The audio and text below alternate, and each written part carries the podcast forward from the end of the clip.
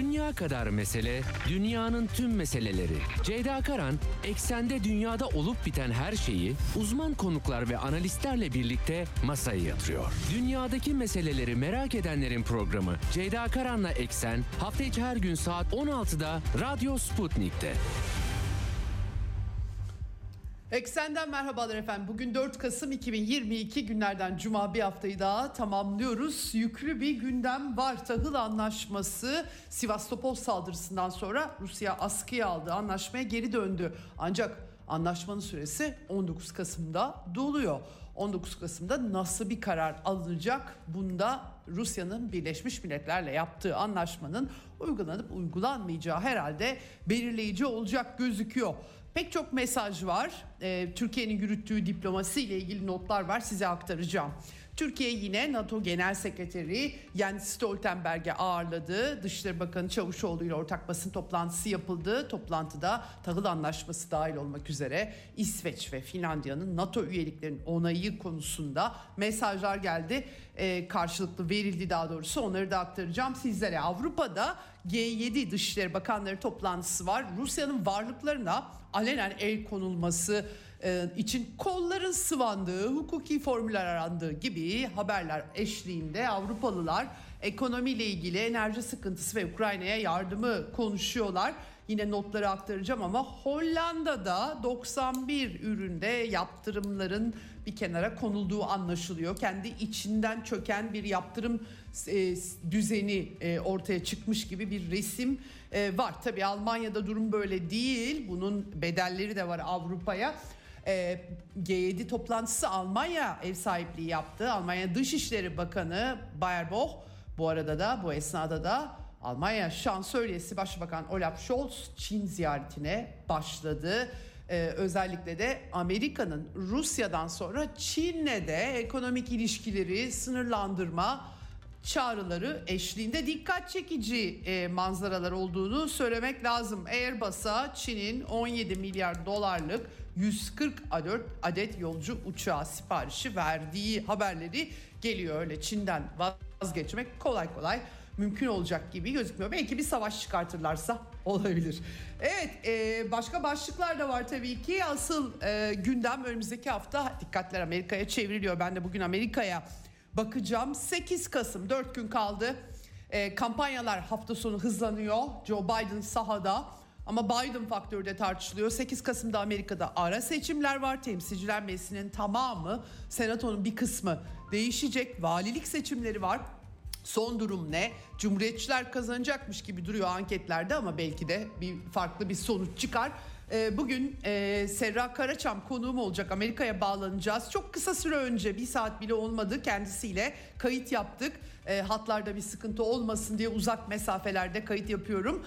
E, hemen programın ilk yarısının sonucunda Serra Karaçam'la yaptığımız Amerika'daki son durumu ele aldığımız e, söyleşimiz e, yayınlanacak. Dünyadan başka başlıklar da var. Tabii Pakistan'da İmran Han suikasti e, suikast girişimi demek lazım. E, taraftarları hastane önünde bekliyor. Uzun yürüyüşe çıkmıştı. Orta Doğu'dan haberler e, yine var. İsrail'de Netanyahu'nun başbakanlığı kesinleşti. 64 sandalyeyle rahat rahat hükümet kurabileceği bir manzara ortaya çıkmış gibi gözüküyor.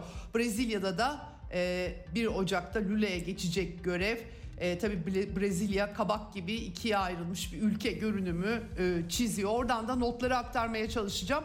Başlamadan frekanslarımızı tekrar edelim yine. İstanbul'dan 97.8, Ankara'dan 96.2, İzmir'den 91, Bursa'dan 101.4 ve Kocaeli'nden 90.2 karasal yayın frekanslarımızdan bizi dinleyebilirsiniz.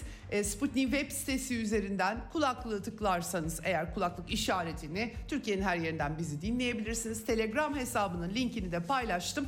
Radyo Sputnik'e abone olursanız katıl butonuna basmanız yayınlarımızı dinlemeniz için Türkiye'nin her yerinden kafi diyelim. Başlayalım eksene.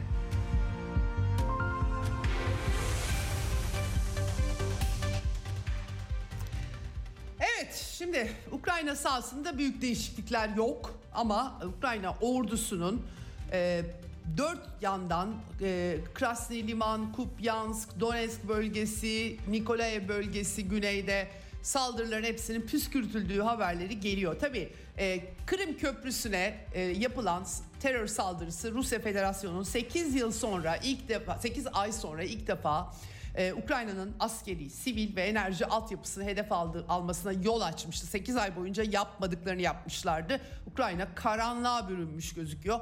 Ee, bu e, siviller için çok büyük bir problem tabii ve askeri ve sivil güçleri bu arada e, tahkim etmeleri Donbas bölgesinde daha da zorla, zorlaştıracak bir manzara ortaya çıkıyor. Ee, Rusya Federasyonu'nda da kısmi seferberlik ilan edilmişti. Bugün Putin'in açıklamaları var.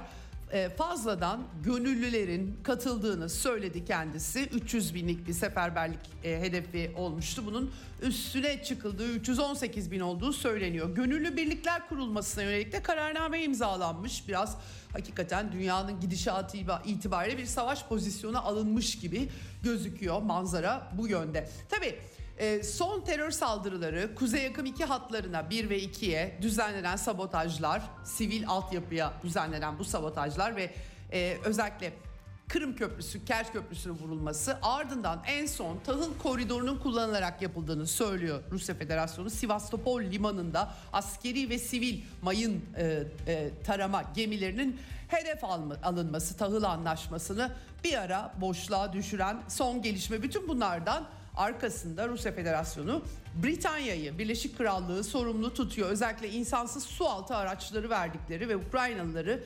eğittikleri yolunda bilgiler paylaşılıyor.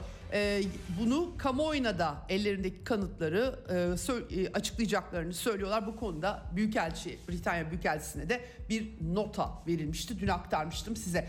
Ee, İsviçre, Almanya'nın cephane verilmesi e, isteğini Ukrayna'ya verilmesi tabii ki ikinci kez Haziran'dan sonra reddetmiş durumda. Rusya'dan da İsrail'e uyarı geldi. Hava savunma sistemleri verirseniz e, bunun sonuçları olur deniliyor. İsrail silah vermeyeceğiz diye açıklama yapmıştı. Netanyahu hükümetiyle ne değişecek tabii onu göreceğiz. Bir de The Grey Zone Amerikalı muhalif site haber sitesi bugüne kadar pek çok şeyi ifşa etmeyi başarmış bir site. Suriye'deki kimyasal silah yalanlarından tutalım da Hunter Biden'ın ana akım medyanın önce sahte dediği, komplo teorisi dediği ve sonra doğru çıkan laptop hikayesine kadar bunların hepsini e, ortaya çıkartmış Amerikalı haber sitesi Grayzone. Şimdi de e, sızan belgeleri yayınlamışlar. Britanya casusları Ukrayna'da gizli bir terör ordusu inşa e, inşasına soyunmuş durumdalar. Özellikle Kırım saldırısı ve Rusya'nın askeri e, e, potansiyelini yıpratacak saldırılar planlanması e, söz konusu. Burada tabii isimler geçiyor. E, bir e, özellikle de Integrity girişimi biz Suriye'de e, renkli devrim ihaleleri verildiği zamandan hatırlayacaksınız. Batı medyasında, muhalif medyada tabii ana akımda yazmıyorlar böyle şeyleri. Integrity girişimi diye anılıyor bilgi savaşı programı bütün bunlarda da rol oynamış askeri istihbarat operatörü Chris Donnelly'nin talebi üzerine Dışişleri Bakanlığı bunu e, finanse ediyor o açıdan devlet bağlantısı var tabii ki. Bir e, Donnelly'nin e, ulus ötesi askeri yetkililer, istihbarat yetkilileriyle bağlantıları eşliğinde bir e, gizli sabotaj birimi oluşturulduğu söyleniyor. Bu en son tabii Kırım Köprüsü, Sivastopol saldırısını bunlar mı organize etti? Bu doğrulanmış değil ama bayağı bir işler pişirilmiş. Aslında tahmin edilebilecek e, geçmiş deneyimlere bakılırsa tahmin edilebilecek girişimler. Özel askeri şirket Prevail Partners ortakları bunlar özel güç askerleri Britanya'nın. Yani aslında Ukrayna Savaşı'nda Ukrayna'nın iz, e, Ukrayna Savaşı'nda Britanya'nın izleri daha giderek belirgin oluyor. Ben daha fazla sızıntının geleceğine hiçbir şüphem yok doğrusu söylemek gerekirse. E ama genelde iş işten geçtikten sonra bunlar ortaya çıkıyor. Belki o süreç biraz hızlanmış olabilir. Şimdi bu ay G20 zirvesi olacak. Zelenski eğer Putin katılırsa ben katılmam dedi. Tabii Ukrayna G20'nin üyesi değil. Diyeceksiniz ki G20'de ne işi var Ukrayna'nın? Ee, iyi bir soru bu. Kendisi e, herhalde Batı e, cephesi G20'nin batılı ortaklarının davet etmesinden hareketle böyle bir değerlendirme e, yapıyor. Bir de e, Rusya'nın kirli bomba ürettiği Ukrayna'nın iddiaları vardı. Bizim kanıtlarımız var. Uluslararası Atom Enerjisi Ajansı yetkilileri inceleme yaptılar. Bulguya rastlamadılar diye bir açıklama yapmış. Üç tesisten bahsediyor Rusya'da. Rusya'da ellerinde kanıt olduğunu, Ukrayna'nın böyle bir teknolojiye sahip olduğunu söylüyor. Yunanistan Cumhurbaşkanı ağırladı Zelenski bu arada. E, Sakelaropoulo'yu ağırladı. E, Kiev'de öyle geldi haberler. E, tabii dikkatler bu hafta. Tahıl anlaşmasına çevrilmişti hafta sonu. Kiev'in e, Ukrayna'nın Sivastopol'a e, yaptığı saldırının ardından. Yeniden başlatıldı. Türkiye'nin diplomasisi sayesinde oldu açıkça. Çok net. Bunu da 3 gündür sürekli Türkiye yetkilileri biz yaptık, biz yaptık, biz yaptık yani biraz e, mütevazilikte fayda var diye düşünüyorum. Ha, herkes anladı e, durumu. E, sürekli olarak bir insan kendini övmediği gibi bir grup sürekli biz biz biz biz dediği zaman bir insan ne oluyor falan oluyor yani. Velhasıl tabii 19 Kasım e, tahıl anlaşmasının süresi bitiyor. Yenilenecek mi? Ya da e, Türkiye'nin bu diplomasiyle başarılı bir biçimde kotardığı anlaşmanın akıbeti ne olacak? Bence bu soru hala ortada. E, tabii gemilerin denetimine katılmaya başlamış Rusya'dan yetkililer. Ee, Rusya da memnuniyetini dile getiriyor bu konuda. Dışişleri Bakanı Sergey Lavrov Ürdün'ü ziyaretinde en son e, memnunuz Ukrayna tarafının sunduğu garantilere dedi. Ukraynalılar tam garanti sunmamış gibi bir takım şeyler söylüyorlar ama e, Türkiye yalan söylemiyor herhalde. Ukrayna verdi garanti diyerek. E, şimdi tabii burada e, öncelikle Birleşmiş Milletler'le bu anlaşma yapılırken 22 Temmuz'da Rusya da bir anlaşma yapmıştı. Rusya'nın tahılı ve gübresi Ukrayna'dan daha fazla. Üstelik Avrupa değil gerçekten açlık çeken ülkelere gitmesi gerektiğini söylüyor. Rus e, Rus tahılını taşıyacak gemiler ne olacak? 19 Kasım için asıl soru belki bu. Yani uzatılıp uzatılmaması konusunda.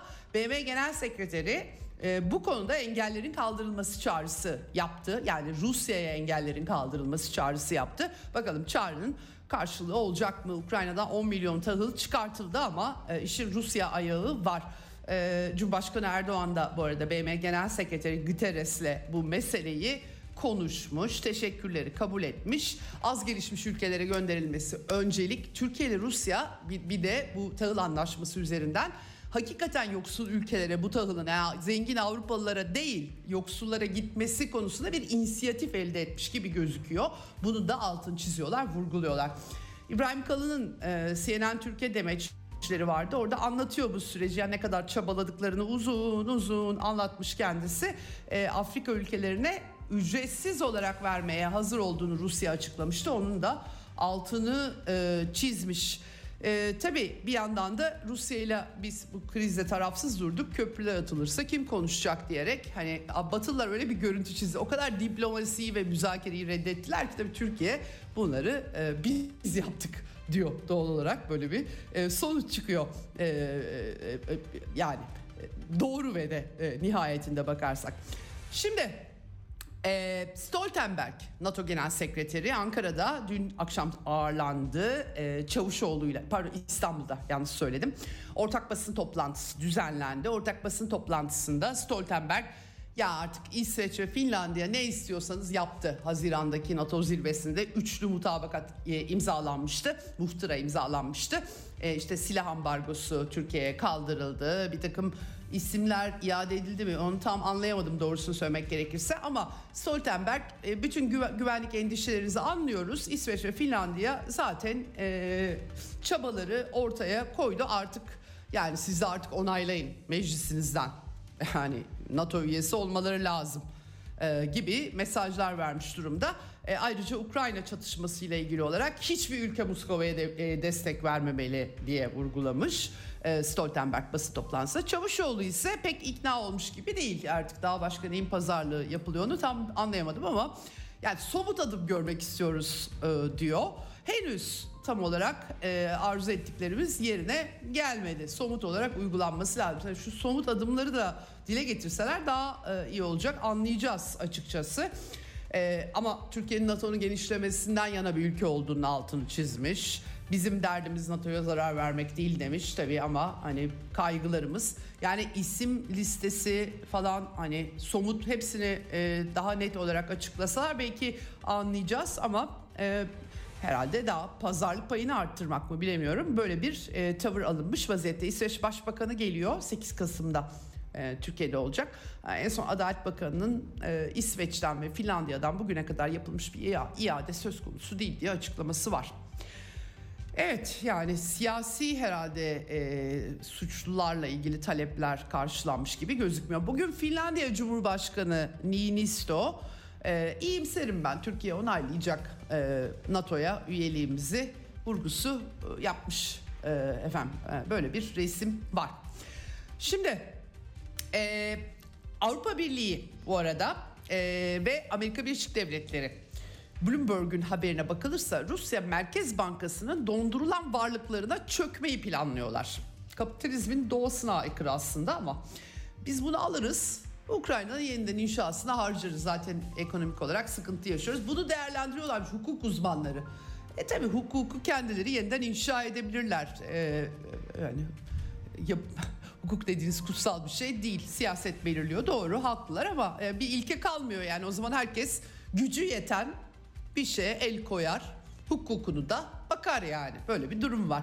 Amerika'da da Biden yönetimi de e, bu Rusya'nın e, paralarına nasıl çökeriz diye e, bir takım e, e, uzmanlar artık ne uzman olmak gerekiyorsa bunun için danışıyorlarmış efendim. Avrupa Birliği de aynı şekilde e, dondurma avukatlara e, şey yapmışlar hazırlık yapın araştırın bakalım nasıl el koyarız biz bir ülkenin varlıklarına diye enteresan zamanlardan geçiyoruz.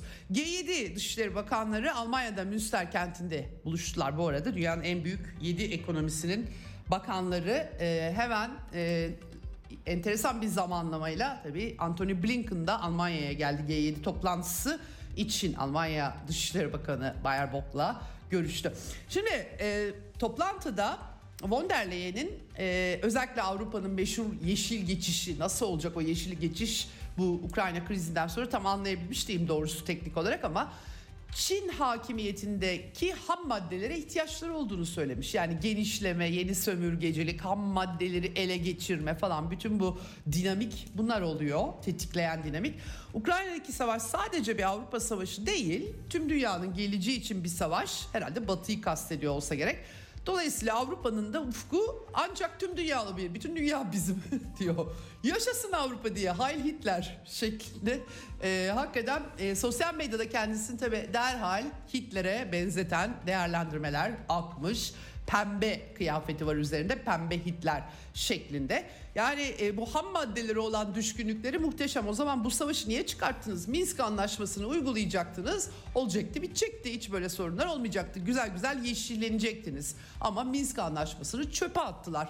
Ee, enteresan bu Avrupalıların e, bahçelerindeki psikolojileri gerçekten e, çok e, şaşırtıcı buluyorum bazen dehşete düşüyorum hiç batıya yönelik bütün fikirlerim e, yani son bir senede tamamen alt üst oldu bu kadar da e, e, tuhaf karşılamıyordum bazı şeyleri açıkçası e, artık inanılır gibi değil.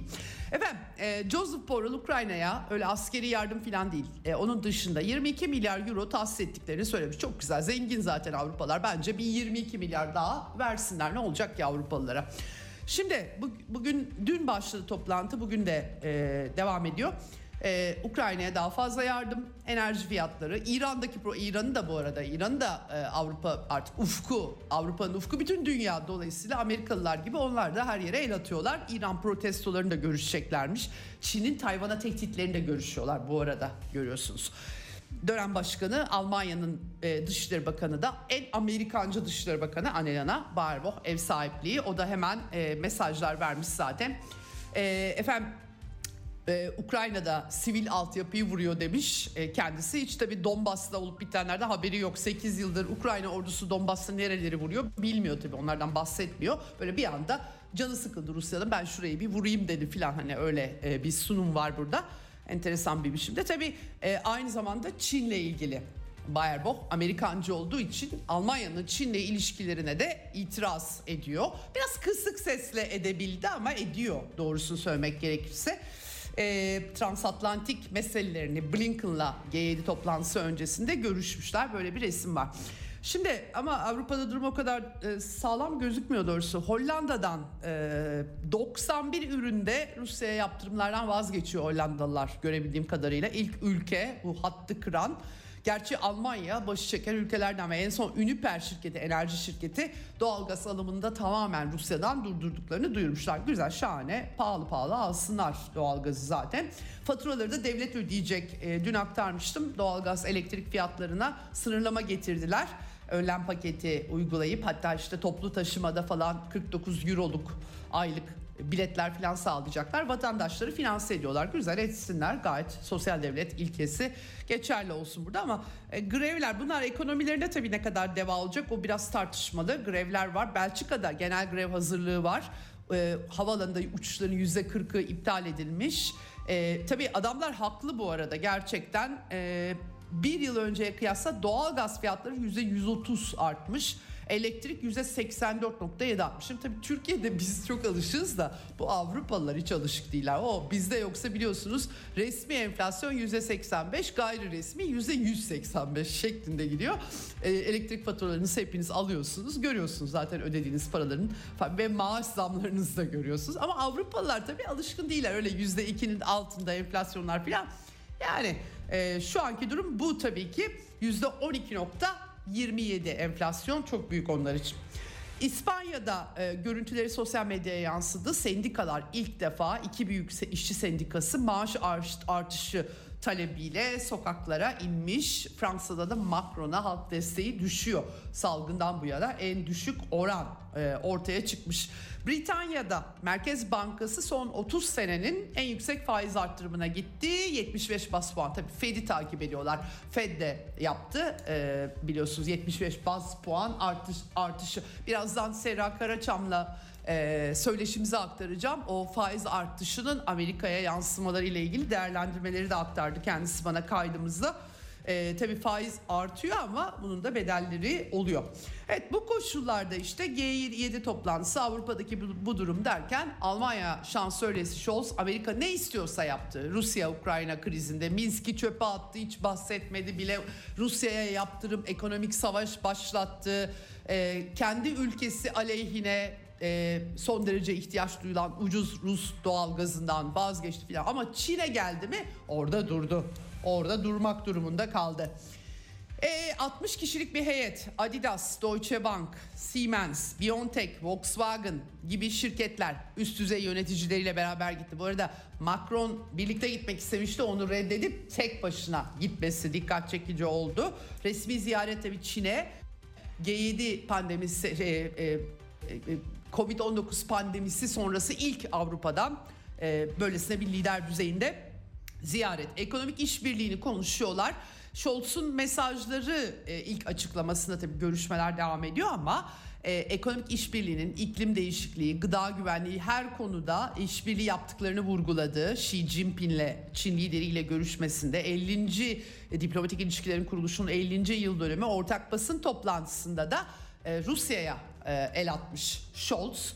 Ee, özel olarak e, Rusya'nın saldırıları derhal durdurup Ukrayna'dan çıkıp gitmesi gibi talepler bu konuda Çin Rusya üzerindeki etkisini kullansın diye çağrı yapmış. E, Xi Jinping yalnız kendisine e, yanıt vermiş. E, bunun üzerine e, diyor ki Xi Jinping tabii e, Ukrayna krizinin çözülmesi için barış görüşmeleri yapılması çağrısı yapmış. E, tabii Scholz barış görüşmelerinden filan hiç bahsetmiyor. E, Xi Jinping ise e, uluslararası toplum ilgili tüm tarafları rasyonellik ve itidal mümkün olan en kısa sürede doğrudan temas ve müzakerelerin yeniden başlaması için koşulları yaratmaya, nükleer silah kullanımına veya tehdidine ortaklaşa karşı çıkmaya çağırıyor demiş. Tavırlarını net olarak koymuş. İşin ekonomisinde tabii ki e, haberler daha da gelecektir. Akşam e, saat farkları da var yavaş yavaş düşüyor ama Airbus Avrupa'nın e, uçak devi 17 milyar dolarlık 140 adet yolcu uçağı siparişi verdiği söyleniyor. Çin'in herhalde bundan artık vazgeçemezler. E, Bayerbach bloğu karalar bağlayacak e, Almanya'da e, böyle şeyler karşısında. E, öncesinde Scholz'un tabii e, bir de Frankfurter Allgemeine Zeitung'a makalesi çıkmıştı ayın ikisinde. Orada da Almanya'nın Çin'den kopmak istemediği ekonomik olarak önemli bir ekonomik ve ticari ortak olduğunu belirtiyordu. En son ben aktarmıştım size Hamburg limanının hisseleri %35 civarı devredilecekti ama büyük baskı altında %20 24-25'e indirilmişti. E, velhasıl Almanya'da hakikaten e, Çin yüzünden e, büyük fırtınalar ve tartışmalar daha da artacak bu ziyaretin sonucunda ortada. Bu zaten Amerikalılar hemen e, Scholz Çin'e giderken Blinken'da Almanya'ya gitti malum. E, ve e, hemen orada tabii e, Çin'e karşı e, dikkatli olmak lazım falan gibi mesajlar verildi. Çin Dışişleri de buna yanıt vermiş. Amerika sürekli olarak kendi müttefiklerinin de iç işlerine karışıyor. Herkesin işlerine karışıyor Amerikalılar. Hegemonya anlayışı ve zorlayıcı diplomasi gibi kötü niyetlerini açıkça ortaya koyuyorlar yeterince diye Çin dışişlerinden de tepki gelmiş. Evet bütün bunlar oluyor ama Amerikalılar da seçim derdinde 8 Kasım Salı günü Amerika ara seçimler için sandığa gidiyor. Birazdan Serra Karaçam'la konuşacağız. Ee, seçimlere günler kala Biden sahaya indi. Eyaletlerde dolaşıyor. Demokratlara e, biraz 6 Ocak kongre baskını Trump'ın seçim sonuçlarını kabul etmek istememesinden hareketle e, seçmenlere sürekli Amerikan demokrasisi tehlikede yani cumhuriyetçiler gelince darbe mi olacak ne olacak tam anlayamadım ama tehlikede diyor. E, demokratlar hegemon olduğu zaman tehlikede olmuyor. Cumhuriyetçiler gelince tehlike e, ortaya çıkıyor. E, aşırı sağ tabii ki e, hemen e, öyle bir algılar da öyle yaratıldığı için Amerika'da bir sol var o demokratlar. Aşırı sağ var o Trump ve cumhuriyetçiler gibi. Yani enteresan bir ayrım tabii. Amerika'da böyle çok acayip yapay ayrım, ayrımlar var. İnsanın sağı solu birbirine giriyor. Hakikaten çünkü yani demokratlar sol mu böyle bir sol olabilir mi? Ya da sol ne acaba gibi şeyler düşüyor insanın kafasına. Şimdi kampanya turuna New Mexico'dan başladı kendisi. E, Kaliforniya'da, Illinois'de e, Illinois'e gidecek bugün galiba Illinois'de. Neyse sonuçta arka arkaya böyle mitingler var. Hatta Obama da katılıyor. Obama Arizona'da o da e, demiş ki yani e, eğer Cumhuriyetçiler gelirse demokrasi tehlikeye girer. Obama da demiş bunu. Öyle bir acayip bir durum. Ekonominin durumu, enflasyon, yakıt fiyatları, kürtaj meselesi böyle başlıklar var. Serra Karaçam'a soracağız ama Kaliforniya'da Joe Biden İran'ı özgürleştireceğiz dedi. Tabii şimdi e, karşısında destekçileri telefonlarını kaldırmışlar böyle görüntüler var. Özgür İran diye. E, bunun üzerine endişelenmeyin İran'ı özgürleştireceğiz. Onlar çok yakında kendilerini özgürleştirecek diye de düzeltmiş. Amerika bütün dünyadan beyin emdiği için, beyin kemirdiği için o kemirdiği ve emdiği beyinler Amerika'nın bütün dünyada hegemen olması için, hegemon olması için bir vasıta haline geliyor. O, tabii ki kendi ülkelerinden bir şekilde kaçmak durumunda kalan bu bir yumurta tavuğa dönüşüyor sonuç itibariyle. Amerika'da oturup İran'da devrim yapmaya çalışan İranlılar gibi bir e, şey çıkıyor ortaya. Ha diyeceksiniz ki nasıl bir devrim o ayrı bir tartışma konusu ama e, adamı biraz sıkıştırmışlar yani İran İran deyince o da me- merak etmeyin özgürleştireceğiz demiş. Amerika'nın özgürleştirdiği ülkelerin durumu pek e, açıkçası iç acıcı olmuyor tabii yani örneklerden biliyoruz. İran e, Cumhurbaşkanı İbrahim Reisi de hemen yanıt vermiş. 43 yıl önce İran özgürleşti. Sizin esaretinize düşmemeye kararlı demiş. Tabii bütün bunlar e, İran'da da e, güvenlik devletini kamçılayacak sonuçlar yaratıyor. İlk başta onu da belirtmek gerekiyor. E, isyanda olan herkesi düşman kategorisine yerleştirmeye açık bir üslupta kullanmış. İbrahim Reisi tabii İran'da e, sadece böyle başörtüsü falan değil ki Batılılar 10 yıl önce Türkiye'deki başörtüsüyle ilgili eleştiriler karşısında İslamofobi suçlaması yapıyorlardı. İran'a yapmıyorlar öyle bir şey İran'da. Artık o bitti. O devir bitti. Yalnız mesele sadece başörtüsü giyim kodları değil tabii. Belucistan ve e, Kürdistan gibi vilayetlerde işler biraz daha silahlı ayaklanmaya zannedersem görebildiğim kadarıyla dönüşüyor. E, o zaman da devlet güvenlik bakış açısı devreye giriyor. Böyle bir resim var. Evet şimdi e, Amerikalı milyarderler bu arada ara seçimler için 881 milyon dolarlık rekor bağışta bulunmuş ara seçimlere yönelik. Amerika'da para zaten yani siyaset dediğiniz şey zaten parayla yani. Para dışında çok da ideolojik yanları ne kadar var bilemiyorum. E, tartışılır tabii ki elbette büyük e, büyük bir ülke belirtmek lazım ama e, bu bütün bu çetelleri tutan rapor yayınlayan Amerika e, e, vergi e, açıklığı için işte e, vergi meseleleriyle ilgilenen kuruluş e, milyarderlerin nakit seli demokrasimizi boğuyor diye bir tespitte bulunmuş. E, günaydın diyeceğim var hep yıllardır böyle zaten bu işler. E, hakikaten bu arada mesela şey e, Soros demokratların en büyük bağışçısı. E, 128.4 milyon dolar vermiş. Tabii Cumhuriyetçi adaylara daha çok bağış yapılmış. E, muhafazakar kanatta e, Uline'ın Uli e, Uline pardon Uline'ın kurucusu Richard ve Elizabeth Uhlane e, onlar da 67.3 milyon dolar bağış yapmışlar. Tabii Cumhuriyetçi Kanada'da epey bağış yapan var. Böyle bir çerçeve var. Evet Twitter meselesi ve Elon Musk. Büyük fırtına koptu. Hele ara seçimler öncesi vay Elon Musk Twitter'ı aldı şimdi işte aşırı sağ güçlenecek diyen liberaller var. Ee, çalışanların işten çıkartılması ki e-postalar yollanmış. Tabii e, 7500 rakamından bahsediliyor. Elon Musk e, 7500 kişiyi bir anda işten mi çıkartacak bilmiyorum ama toplu dava açıyorlar. Yasal e, yasalara göre e, yüzden fazla çalışan olan iş yerlerinde önceden 60 gün önceden bildirimden bahsediliyor. Bilemiyorum iş hukuku davalarıyla Elon Musk'ın başı belaya girecek öyle gözüküyor. Zaten bir de e, Amerika e, Batı dünyasının alameti farikası sivil toplum kuruluşları onlar da Elon Musk'la görüşmüşler çevrim içi olarak e, o toplantıda efendim e, bu e, diyorlar ki Twitter'dan bizim sürdürdüklerimiz vardı. Sakın onları geri getirme. Onlar kötü falan gibi. E, yasaklanan hesapları geri döndürmeyin. Biraz Amerikan seçimleriyle ilgili e, tabii e, daha henüz dönen hesap var mı çok emin değilim e, doğrusunu söylemek gerekirse ama birkaç hafta alacak. Yani 8 Kasım'dan çok sonra e, döneceklerse de şimdi hemen dönmüyor bu hesaplar şeklinde Elon Musk bir yanıt geliştirmiş e, bu kuruluşlara karşı. Bunlar hep e, Demokrat Parti'nin e, bağlantılı kuruluşları bir şekilde ya da güçlü olduğu demokratların Free Press bakın adı Free Press ama yani e, ona göre onun görüşünden olmayan herkese yasakçılık gerekiyor. Artık düşünce özgürlüğü böyle bir şey oldu. Düşünce ve ifade özgürlüğü eğer siz liberallerle aynı düşünüyorsanız e, hakkınız ama düşünmüyorsanız yani mümkün değil. Yani mümkün değil. Enteresan. O yüzden zaten liberal faşizm e, gibi şeyler ortaya atılıyor ama yani yeni de olmaması lazım. Bunlar çok e, epey zamandır var olan şeyler. Evet şimdi evet Paki Asya'dan bakalım. Pakistan e, eski Başbakan İmran Han dün aktarmıştım.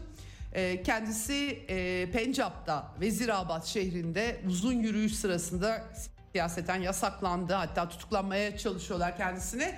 E, tam o yürüyüş sırasında bir konteynerin üzerinden kalabalığa seslenecekken ateş altında kalıyor. Bacağından yaralanıp hastaneye kaldırıldı. Partisi Pakistan Tahrik-i İnsaf Partisi e, tabii e, zanlının görüntüleri ortaya çıktı, açıklamaları ortaya çıktı. Tek başıma hareket ettim diyor ama e, Nisan ayında kendisinin devrilmesine yol açan hibrit darbe Amerika ve içerideki oligarşi İmran Han onları suçluyor. E, bağlantılı olduklarını iddia ediyorlar. Protestoları şiddetlendirecek gibi gözüküyor bu suikast girişimi. Çünkü e, taraftarları e, başkent İslamabad'da, Karachi'de, Lahor'da, e, Ravalpindi'de birçok şehirde ayakta bu suikastle birlikte. Bakalım Pakistan siyaseti e, ülke genelindeki protestoları nasıl e, etkileyecek bu suikast? Pakistan siyasetini nasıl etkileyecek beraber göreceğiz. Evet Suudi Arabistan bu arada e, Asya'ya ihraç ettiği petrolün fiyatını düşürmüş. E, enteresan bu e, doğru mu acaba hakikaten? E, 35 sentlik düşüş beklentisi Asya'ya Aralık'ta yapacağı satışlar için 40 sent varil başına 5.45 dolara çekmiş ama Avrupa'ya düşürmüyorlar. Avrupa'ya düşürmüyorlar. Enteresan hakikaten bir tavır. IMF'nin raporu var efendim. Libya ile ilgili rapor Orta Doğu'nun en hızlı büyüyen ülkesi olacak 2023'te diye e, öngörmüş Uluslararası Para Fonu %17.9 ile en hızlı büyüyecekmiş. E ortada Libya kalmadı yalnız. Tek bir Libya kalmadı daha doğrusu enteresan. Ee, şimdi e, inşallah büyüsün tabii. Neden? Petrol geliri elbette. Kaddafi'yi devirdikten sonra büyük bir pazar ve paylaşım savaşı ortaya çıkmıştı. İkiye bölündü de Libya. İşte onu bir şekilde iki yakayı iliklemeye çalışıyor uluslararası toplum. BM'nin eline düştü aslında Libya bir şekilde. Şimdi de büyüyen ekonomisi. Çok da umurlarında olduğunu zannetmiyorum açıkçası. Oradan enerji kaynakları ulaşsın onlar için kafi olacaktır muhtemelen. Ee, Dışişleri Bakanı Birleşik Arap Emirlikleri'ne gidiyor bugün. 6 Kasım'a kadar orada toplantıya katılacakmış. Orta Doğu'da tabii herkes İsrail seçimlerinin sonuçlarına dikkat kesildi. Bu hafta konuştuk. Hay Eytan Yanar Ocağı'nın değerlendirmelerini aldık. Netanyahu e, ipi göğüsledi. Çok tartışmalı bir isimdi. Pek çok yolsuzluk iddialarıyla hatta işte kamuoyunda Netanyahu karşıtı bir referanduma çevrilerek yaklaşık 18 ay önce e, görevden ol, alınmıştı bir şekilde. E, yeni hükümet seçilmişti ama bu kadar sürdü. 64 sandalye normalde 61 sandalye lazım. 120 sandalyeli Knesset'te İsrail parlamentosunda hükümet kurmak için. Katılım oranı %71.3 fena değil. Ee, İsrail e, için gayet e, iyi bir rakam olmuş. Ve 64 sandalyeyi garantilemiş hatta üstüne çıkılabilir tabii ki bunun. E, e, Yair Lapid e, tabii liberal blok yenildi. E, Netanyahu'yu kutlamış. İsrail halkının menfaati için bir şans. E, devlet tüm siyasi değerlendirmelerin üzerinde vurgusu yapmış. Tabii ki yani mesela İran'da birisi devlet tüm siyasi değerlendirmelerin üzerinde dese kim bilir ne gibi değerlendirmeler, yorumlar alınır. Efendim e, tabii ki aşırı sağcı bir blok Netanyahu'nun bloğu. Dinci partiler var, ultra ortodoks partiler var. Bu partilerle nasıl bir hükümet kuracak herkes dikkatler buna çevrildi. En başta tabii Dini Siyonizm Partisi'nin lideri Itamar Ben Gvir. Enteresan bir isim KAH üyesi e, bu e, İsrail içerisinde aşırı dinci tarikatlardan bir tanesi. E, buradan tabii nasıl bir kendisi kamu düzeni bakanı, kamu güvenliği bakanlığını istiyormuş. Hükümet e, bu ay ortasında normalde bir ay süre oluyor ama zaten çoğunluğu e, elde tuttukları için kolaylıkla kurabilecekler öyle gözüküyor. Ee, İsrail hükümetine bakacağız tabii Netanyahu nasıl bir hükümet kuracak önümüzdeki dönemde e, şekillenecek. Evet Lübnan'ı da konuşmuştuk bu hafta yine. E, Michel Aoun'un görev süresi doldu. E, hükümet başkanı yok. Vekaleten e, Necip Mikati yürütüyor gibi ama yani hükümet kalmadı. Hükümetin başı kalmadı. Genelkurmay Başkanı General Joseph Aoun e, açıklama yapmış. Biz öyle boşluğa e, izin vermeyiz. Güvenlik boşluğu yaratılması, sivil barışın tehdit altına alınmasına izin vermeyiz diye mesajlar vermiş. Ee, bu hafta konuştuğumuzda söylediği gibi Musa Özur'un hakikaten bir test konu, büyük bir test konusu. Ee, böyle yönetim hep İsviçre'den falan bahsedilir. Bazen hükümet seçilemez, edemez. Ne olacak gerek yok. Belçika'dan e, olur. Avrupa'da böyle bir iki yerde hükümetsiz kalıp da işlerin yürüdüğü ülkeler vardır. Orta Doğu'da da Lübnan. E, gerçi Lübnan'ın sorunları çok büyük tabii ki. Enerji başta olmak üzere ekonomik kriz, bankadan paralarını çekemeyen insanlar hakikaten parlak değil durumları. Evet, Suudi Arabistan ilk ticari elektrikli otomobil markasını duyurmuş. Seyir e, ismini taşıyor. Seyir'den herhalde olsa gerek. Elektrikli otomobilden fazlası e, Suudi Arabistan'ın markası olacak. Türkiye'de de TOG tartışılıyor. Suudiler de seyir çıkartıyorlarmış. Kamu yatırım fonuyla birlikte yapacaklar.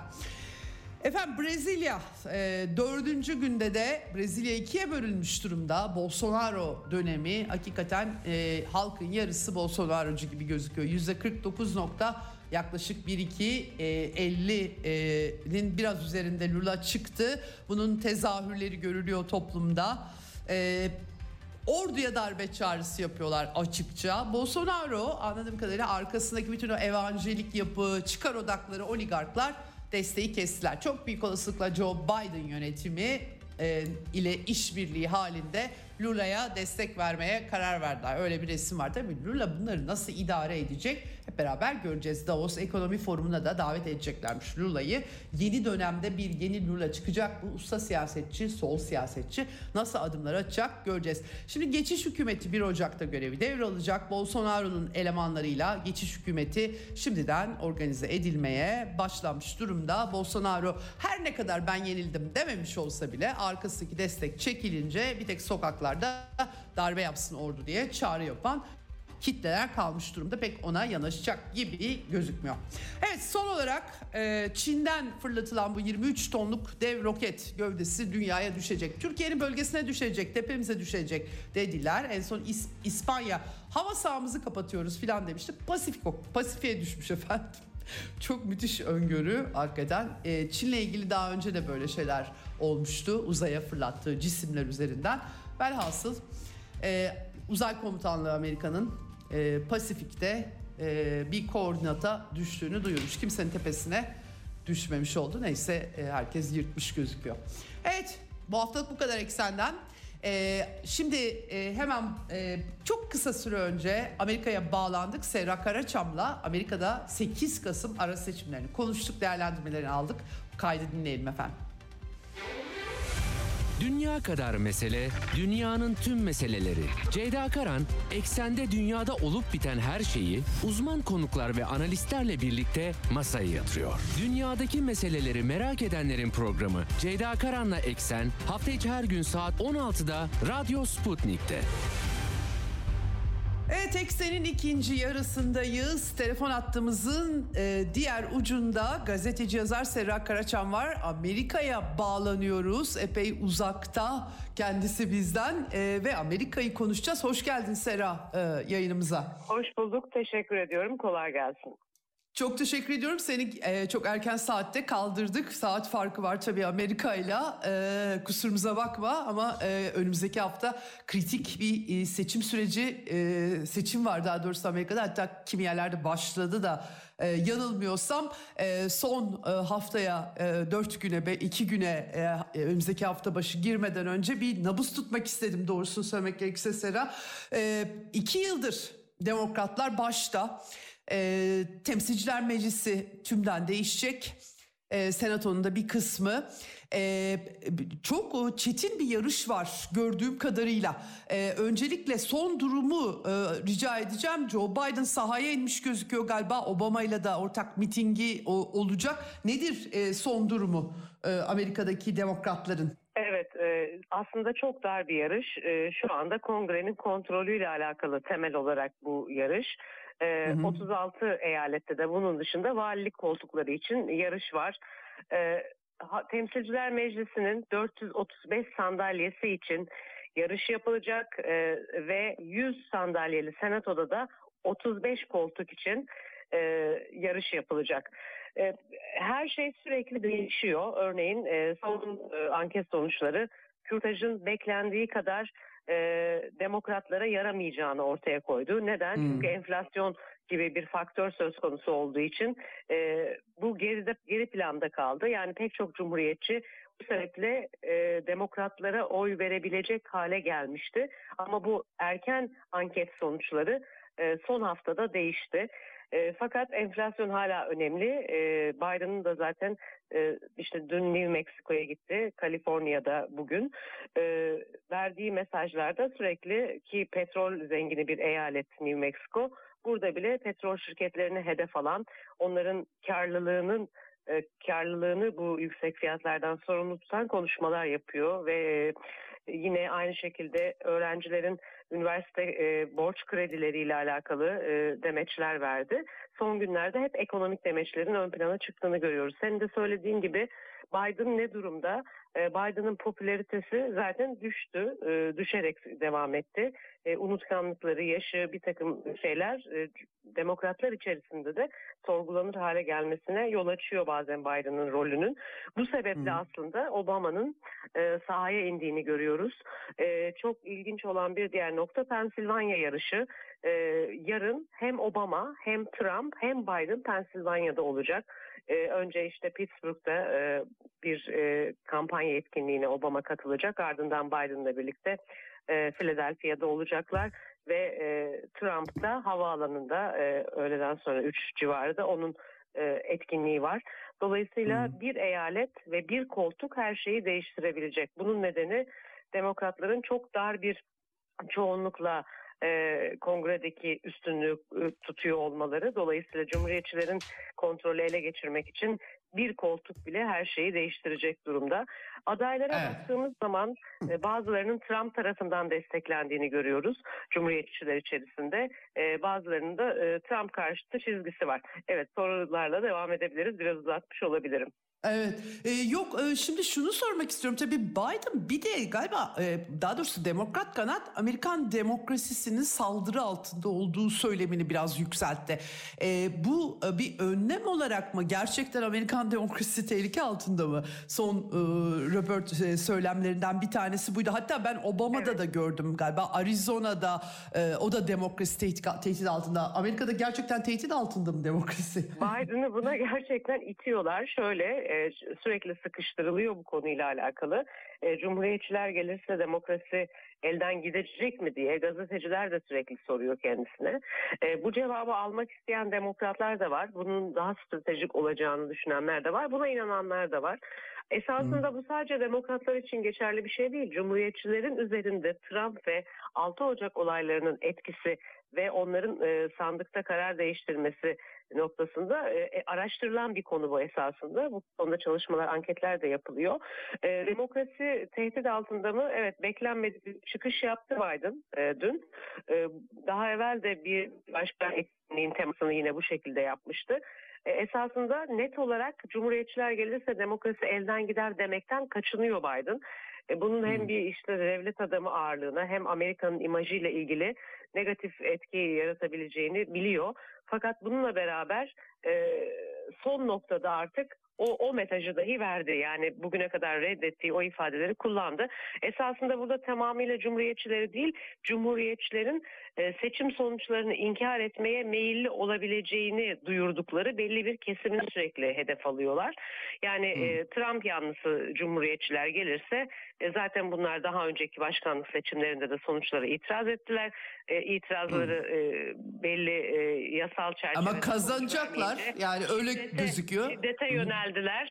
E, o yüzden e, bu gene olabilir deniliyor ve bununla alakalı da bazı eyaletlerde önlemler var. Seçim, seçim sonuçlarını kabul etmeyenlerin nasıl faaliyet gösterebileceği, nasıl e, e, şiddet eylemleri düzenleyip düzenlemeyeceği bu sürekli pompalanıyor bir taraftan. Hani bunu bekledikleri. E, kazanırsa ne olacak? Kazanırsa demokratlar susup oturması gerekecek tabii. Hayır yok e, şu açıdan söyledim zaten anketler cumhuriyetçileri kazanacak gibi gösterdiği için neye itiraz edecekler diye bir mantık işlettim ama anladım dediğini Oca, 6 Ocağı bir atıf var burada. Peki hakikaten enflasyon çok mu e, önemli bir faktör Amerika'da? Gerçekten e, ekonomik sorunlar OPEC artı grubunun petrol arzını kısması sonrası Amerika'da hissedilir oldu mu? Evet, e, özellikle mortgage oranlarındaki faiz artışı Amerikalılar için çok önemli. E, kira öder gibi ev sahibi olmak, 20, 30, 40 yıla yayılmış mortgage'lara alışıklar. E, şu anda e, Mayıs ayından itibaren özellikle bu e, mortgage faizleri çok yükselmiş durumda. Ve mesela bir ay göre de sürekli yükseliyor. Fed'in bu faiz artırım kararı enflasyonla mücadele için açıklanıyor. Beyaz Saray sürekli Merkez Bankası'na karışmadığını, onların enflasyonla mücadele için en doğru politikaları uygulayacak bağımsız kurum olduğunu söylüyor ama diğer taraftan ev almak isteyenler, Mayıs'a kadar olan işte düşük faizleri kaçıran kişiler için e, bu rakamlar korkunç artmış durumda ve sürekli artıyor. Yani bir yakıt fiyatları birkaç ay öncesinde olduğu kadar çok değil çok fazla önlemlerle biraz düşürülmüş durumda ama bu gerilim hala seçmen için ve bu korku e, söz konusu Amerikalılar araçla e, seyahat etmeye ve ucuz e, yakıt fiyatlarına alışıklar. E, diğer taraftan sadece dar gelirli için söz konusu değil. E, yani sadece enflasyon değil, büyüme verileri de e, yatırımcı için işte üretici, sanayici, o- orta ölçekli işletmeler için baktığımız zaman yani sadece dar gelirli için değil e, aslında e, zenginler için de büyüme bir problem. Dolayısıyla hem enflasyon hem büyüme birinci endişe kaynağı bu seçimlerde. Hı hı. Dolayısıyla e, fiyatların düşmesi de yetmiyor. Büyümenin de iyi olması bekleniyor. Evet. Peki son olarak senin öngörün ne? Onu da sorayım. Ee, önümüzdeki hafta için sonra e, sonuçları da değerlendirmek istiyorum tekrar seninle ama e, Cumhuriyetçiler Temsilciler Meclisi'nde şöyle e, yüklüce bir çoğunluk elde edebilecekler mi? Ne dersin sen? Evet, e, şöyle e, dün yapılan bir e, rapora göre, ortaya çıkan bir rapora göre milyonerlerin yaptığı bağışlar da biliyorsun çok önemli bir veri. Hı, bir, hı. bir kesim buna çok tepkili, seçimlere zenginlerin etki etmesi, bağışlarla adayların belirlenmesi. Bu son rakamlara göre en çok para Cumhuriyetçiler tarafından toplandı. E, dolayısıyla bu önemli bir veri olarak görülüyor. Diğer taraftan e, yarın işte iki eski başkanın Pennsylvania'da olduğu gibi e, bir gerçek var.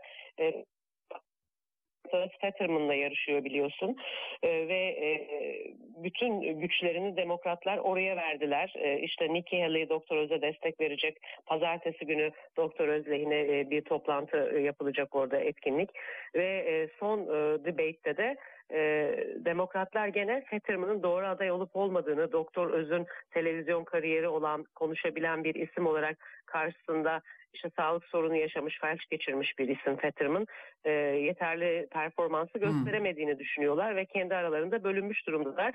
E, buralara baktığımız zaman e, sanki e, kongredeki denge değişebilir gibi görünüyor. Tahmin yapmayı sevmiyorum ama e, buradaki hava biraz bu şekilde ve e, ekonomik durum da dediğim gibi demokratların da kendi içerisinden sızan işte e, Ukrayna yardımları olsun bunların etkilerini kendileri de gördükleri için bu değerlendirmeleri yapıyorlar. İşte Biden Hı hı. ilk turda ama bir taraftan da ekonomik olarak e, negatif etkileri var bunun. Birlikte göreceğiz. Evet. Peki çok teşekkür ediyorum Serra değerlendirme için. Hep beraber önümüzdeki hafta Amerikan seçimlerine bakacağız. Tekrardan senin değerlendirmeni de almak istiyorum. Çok teşekkür ediyorum. Kolaylıklar, iyi yayınlar.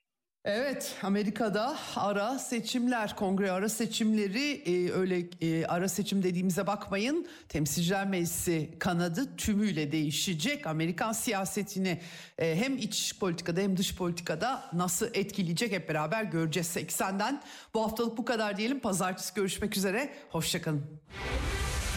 Ceyda Karan'la Eksen sona erdi.